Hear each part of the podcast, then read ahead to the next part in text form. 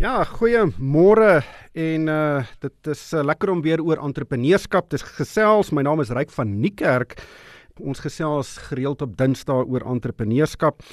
En ons het die afgelope paar maande gekyk na ondernemings wat begin het as 'n tipe van 'n stokperdjie of dit was om 'n bykomende inkomste te genereer en ek het bietjie gaan naslaan om te gaan uh, uitvind wat presies is eh, 'n uh, side hustle, dis soos die Engelsman hom beskryf. En ek het op 'n paar baie interessante terme afgekom of beskrywings. 'n Sybedryf is 'n interessante een en die een waarvan ek regtig hou is rand op die kant. Clarice Maree is saam met my in die ateljee. Sy's een van die mede-stigters van Dash Pause die ander een jou suster Carmen.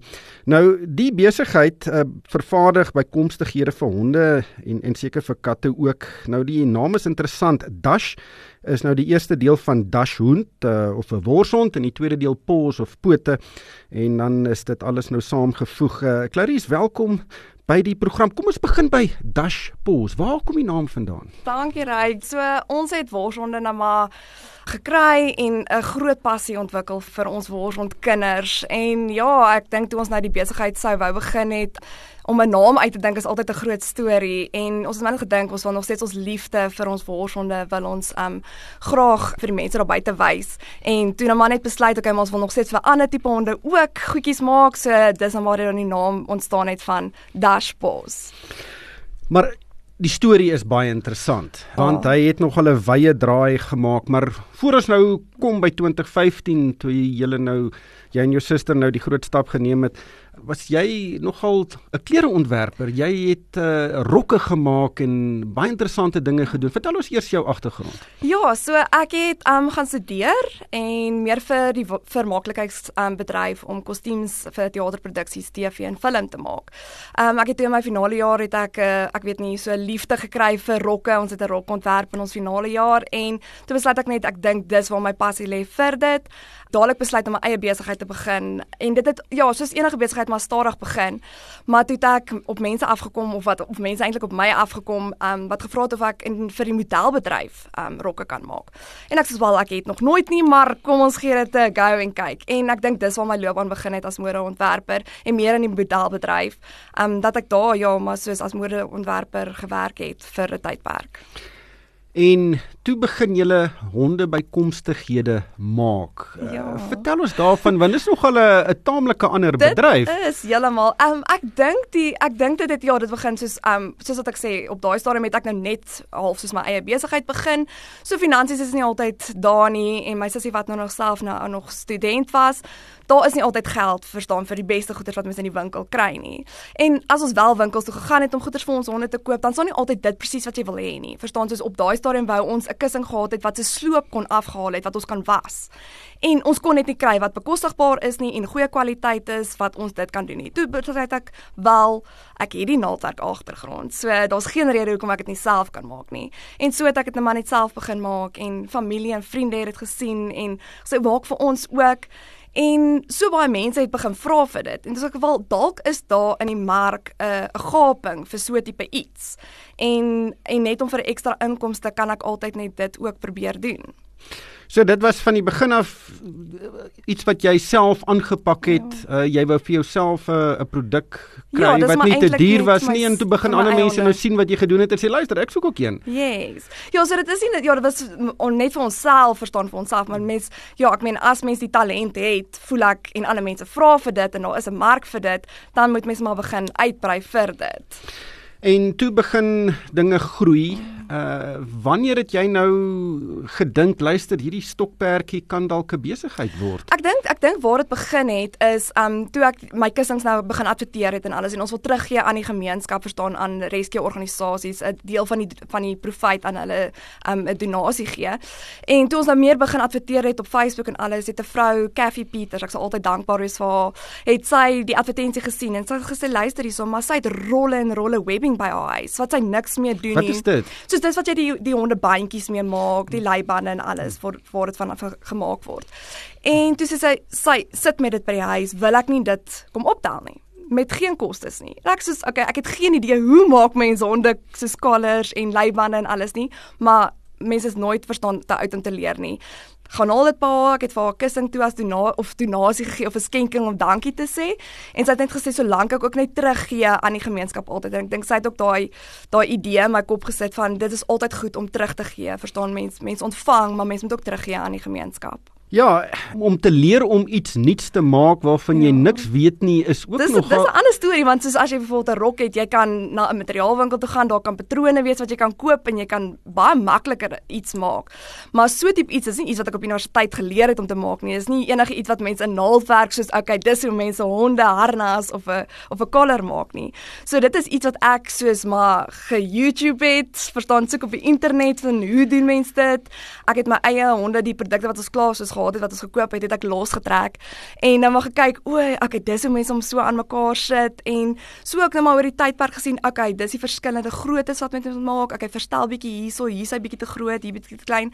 So dis maar alles, soos mense in Engels sal sê, trial and error storie, soos wat dit nou maar oor die jare vorder mense met mense produkte. Kyk, die die universiteit van YouTube het al baie mense opgelei in snaakse dinge. Ek glo so jy moenie altyd glo wat jy op YouTube sien nie, maar sover het hulle my darm nie in die verkeerde rigting ingegaan help nie. So toe ontwikkel die besigheid die vraag neem toe uh jy het ook toe begin uitstal by markte. Vertel ja. ons daarvan. Ag ons het maar net soos klein tipe markies gedoen, soos waar daar byvoorbeeld organisasies, soos byvoorbeeld het 'n stap en dan kom die mense met hulle honde en dat hulle nou 'n paar soos kom ons sê besighede wat soos hondeprodukte en alles daar kom uitstal.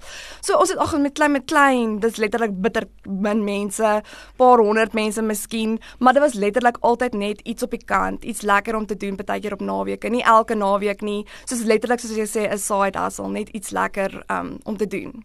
Maar dis uh, dis harde werk. Waar het jy tyd gekry om hierdie nou ook te doen ja. boonbehalwe jou hoofinkomste ja. wat ek, um, in die moederbedryf is. Yes, ek dink dis waar die grootste probleem ingekom het is daar's nie altyd tyd vir dashboards gewees nie. En dis waar ek altyd verstaan ek ek fokus op die rokke en ek wil dit probeer op die kant doen, maar daar's net nie altyd tyd nie. So dis hoekom dit altyd maar net gebly het as 'n op die kant storie, verstaan 'n 'n deeltydse stokperdjie meer ek dink ek sou in my hart het ek altyd gevoel dit sal lekker wees as dit meer voltyds kan wees, maar op daai stadium het ek glad nie gesien dat dit 'n voltydse inkomste sou kon ingebring het met die tipe verkope wat ons op daai stadium gehad het nie. Men jou suster, uh, Carmen, hoe was sy betrokke? Ja, so sy het ehm um, sy was nou besig nog om te studeer. Ehm um, op daai stadium het sy nou nog nie ingekom vir veeartsenykunde nie. Ehm um, maar sy het ook 'n groot passie vir dit en ook altyd verstaan idees gehad van o, sy sal dit wil graag hê vir vir ek meen vir ons eie honde. En ek meen sy is die breins agter die hele storie. Ek's net die kreatiewe een en so sy help my baie keer vinnig reg en sê nee nee, wees nou mooi, dink nou mooi, hierdie is baie beter vir honde. So haar, ek dink haar agtergrond ook nou dat sy um in haar finale jaar met veearts is, help verskriklik baie met ons besigheid. Ek gesels met Clarice Mares, sy's uh, een van die mede-stigters van Dash Paws. En uh, dit is 'n besigheid wat as 'n sybedryf begin is as 'n stokperdjie en toe later gegroei het tot 'n losstaande besigheid wat sy nou natuurlik uh, vandag nog bedryf. Clarice, toe kom COVID-19 en dit ja. was 'n keerpunt. Vertel ons wat toe gebeur het. So natuurlik, ons almal weet, COVID gebeur en daar is geen ehm um, funksies nie. Daar's nie matriekafskeid nie, daar's nie troues wat toegelaat word nie. Daar's nie meer 'n uh, modelkompetisie nie. So wat nou my grootste inkomste was is my my modelle se rokke. So daar's 'n tak en ek het geen inkomste nie op daai stadium ook obviously daar was nie markte gewees nie. So ek sou ook nie noodwendig voltyds op Dutchbos kon staat gemaak het om so inkomste te kry nie.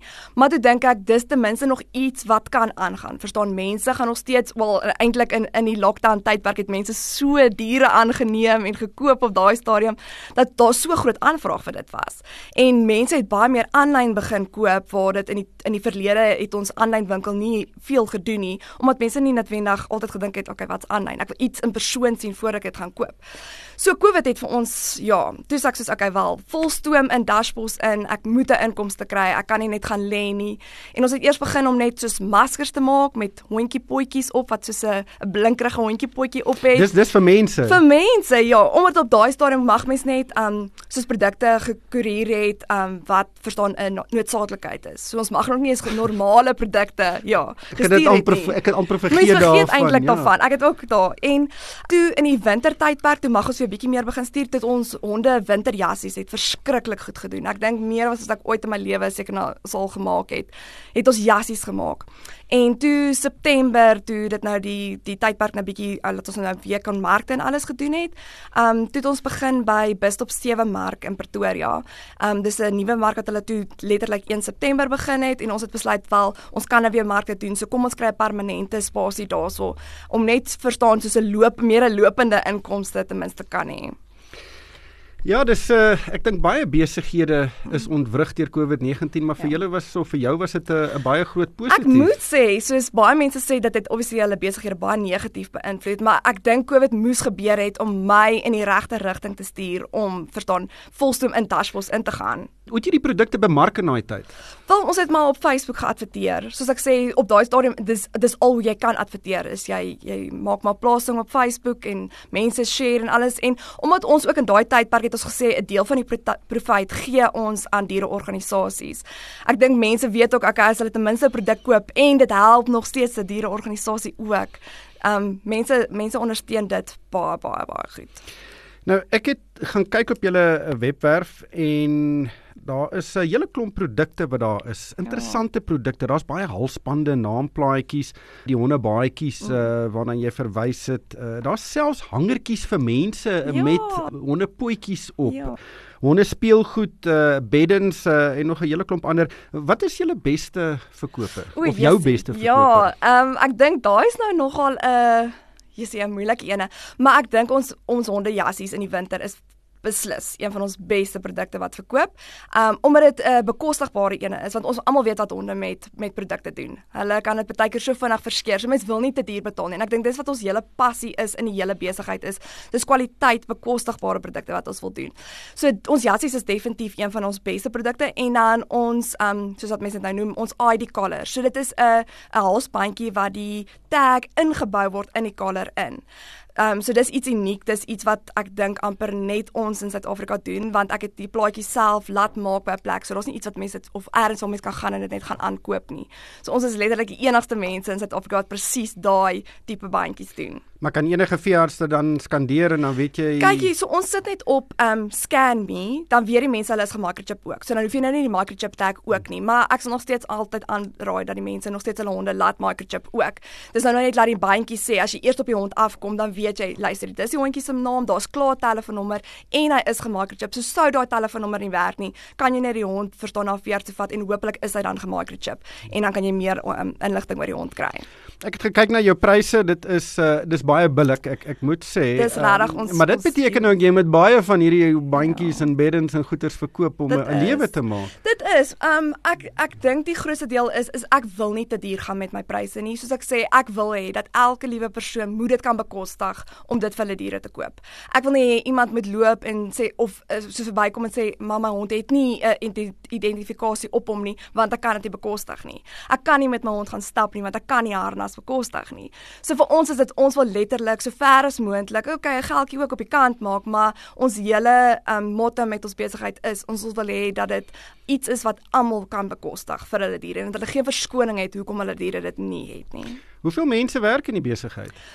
So, ehm um, dis eintlik op hierdie stadium is dit maar net ek. Ehm um, ek het so begin om 'n paar mense vryskut net aan te stel um, om met te help want ek kan nie by alles net wenig altyd uitkom nie. En omdat ons ook nou van hierdie jare af baie groter begin uitbrei het en meer feeste en alles begin doen het, kan ek vrou alleen nie alles self doen nie. Ehm um, so ek het vryskut mense wat ek wat ek help en dan het ek 'n student wat my help by die markte om daar ehm um, vir my in te staan as ek self nie daarso kan wees nie. So dit is besig om baie groot te groei. Ehm um, ek glo ons sal teen volgende jaar permanente mense kan aanstel en en dit maak my opgewonde van wat die groei vir Dutchforce kan beteken. En dit beteken jy vervaardig al die produkte wat yes. jy verkoop self.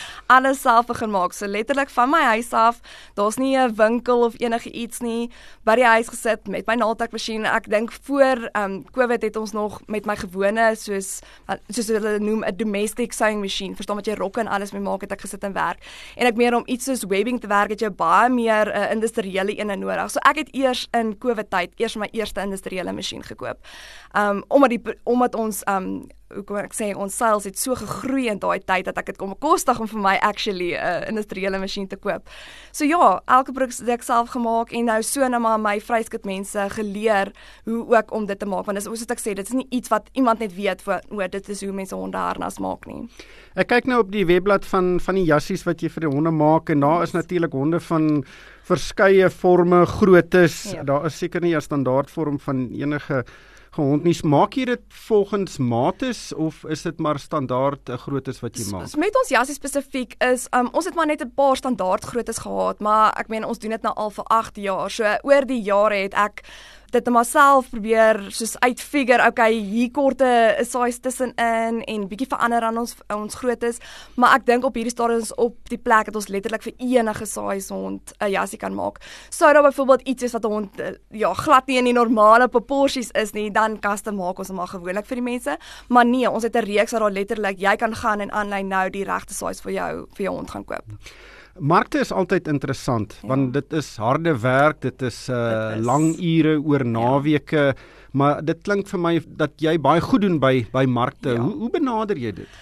Ek dink vir enige iemand daar buite sal nie ooit kan dink dat mense regtig soos 'n uh, voltydse inkomste kan kry om net soos markte te doen nie. Maar op hierdie stadium dit is wat ons doen.